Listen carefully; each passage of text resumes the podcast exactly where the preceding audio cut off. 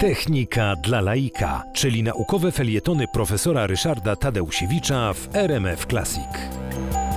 Pierwsze y, próby, udane próby, y, dotyczyły y, badań nowotworów piersi u kobiet. To jest taka bardzo złośliwa i bardzo niebezpieczna choroba, w której bardzo trudno jest na przykład palpacyjnie, dotykiem wyczuć tego guza, natomiast on już zaburza tam funkcjonowanie i widać jakieś miejsce jest wyraźnie taką wyspą gorąca albo właśnie taką wyspą nienaturalnego chłodu. Wobec tego bardzo wiele badań w tej chwili, ale już od wielu lat, związanych z wczesną diagnostyką nowotworów piersi u kobiet robi się oczywiście metodami y, rentgenowskimi, istnieje technika mamograficzna, ale również wykorzystuje się termowizję i bardzo ona jest przydatna. Okazuje się, że również w laryngologii y, zapalenia zatok przynosowych, zapalenia gardła mogą być rejestrowane tą metodą termowizyjną. No i mnóstwo zastosowań związanych z różnego rodzaju wykrywaniem y, pod skórą tych rzek gorąca. Y, na przykład y, każde naczynie krwionośne to jest taka, taka rzeka, pod, przez którą płynie gorąca krew w otoczeniu chłodniejszych tkanek. My czasem chcemy się dowiedzieć, którędy przebiegają takie czy inne naczynia krwionośne.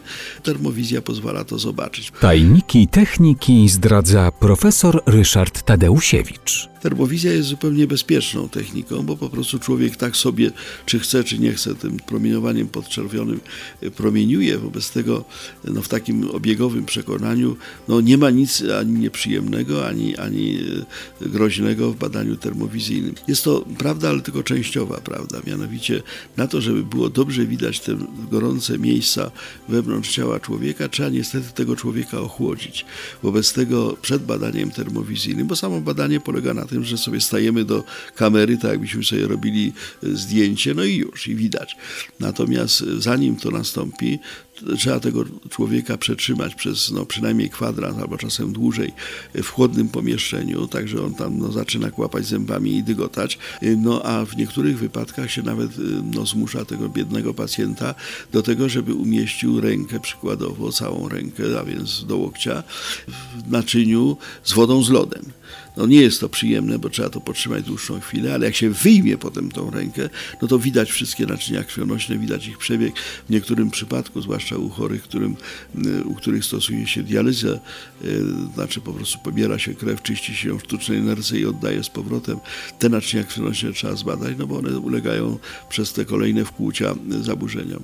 Termowizja to dziedzina przyszłościowa. Bardzo rozwija się ta technika. Dawniej te kamery były bardzo drogie, bardzo duże, w tej chwili już są właściwie kieszonkowe y, rozmiary. Można mieć taką kamerę termowizyjną wielkości typowego aparatu fotograficznego, a jednocześnie widać na niej to, czego nie widać gołym okiem i to jest naprawdę wspaniałe.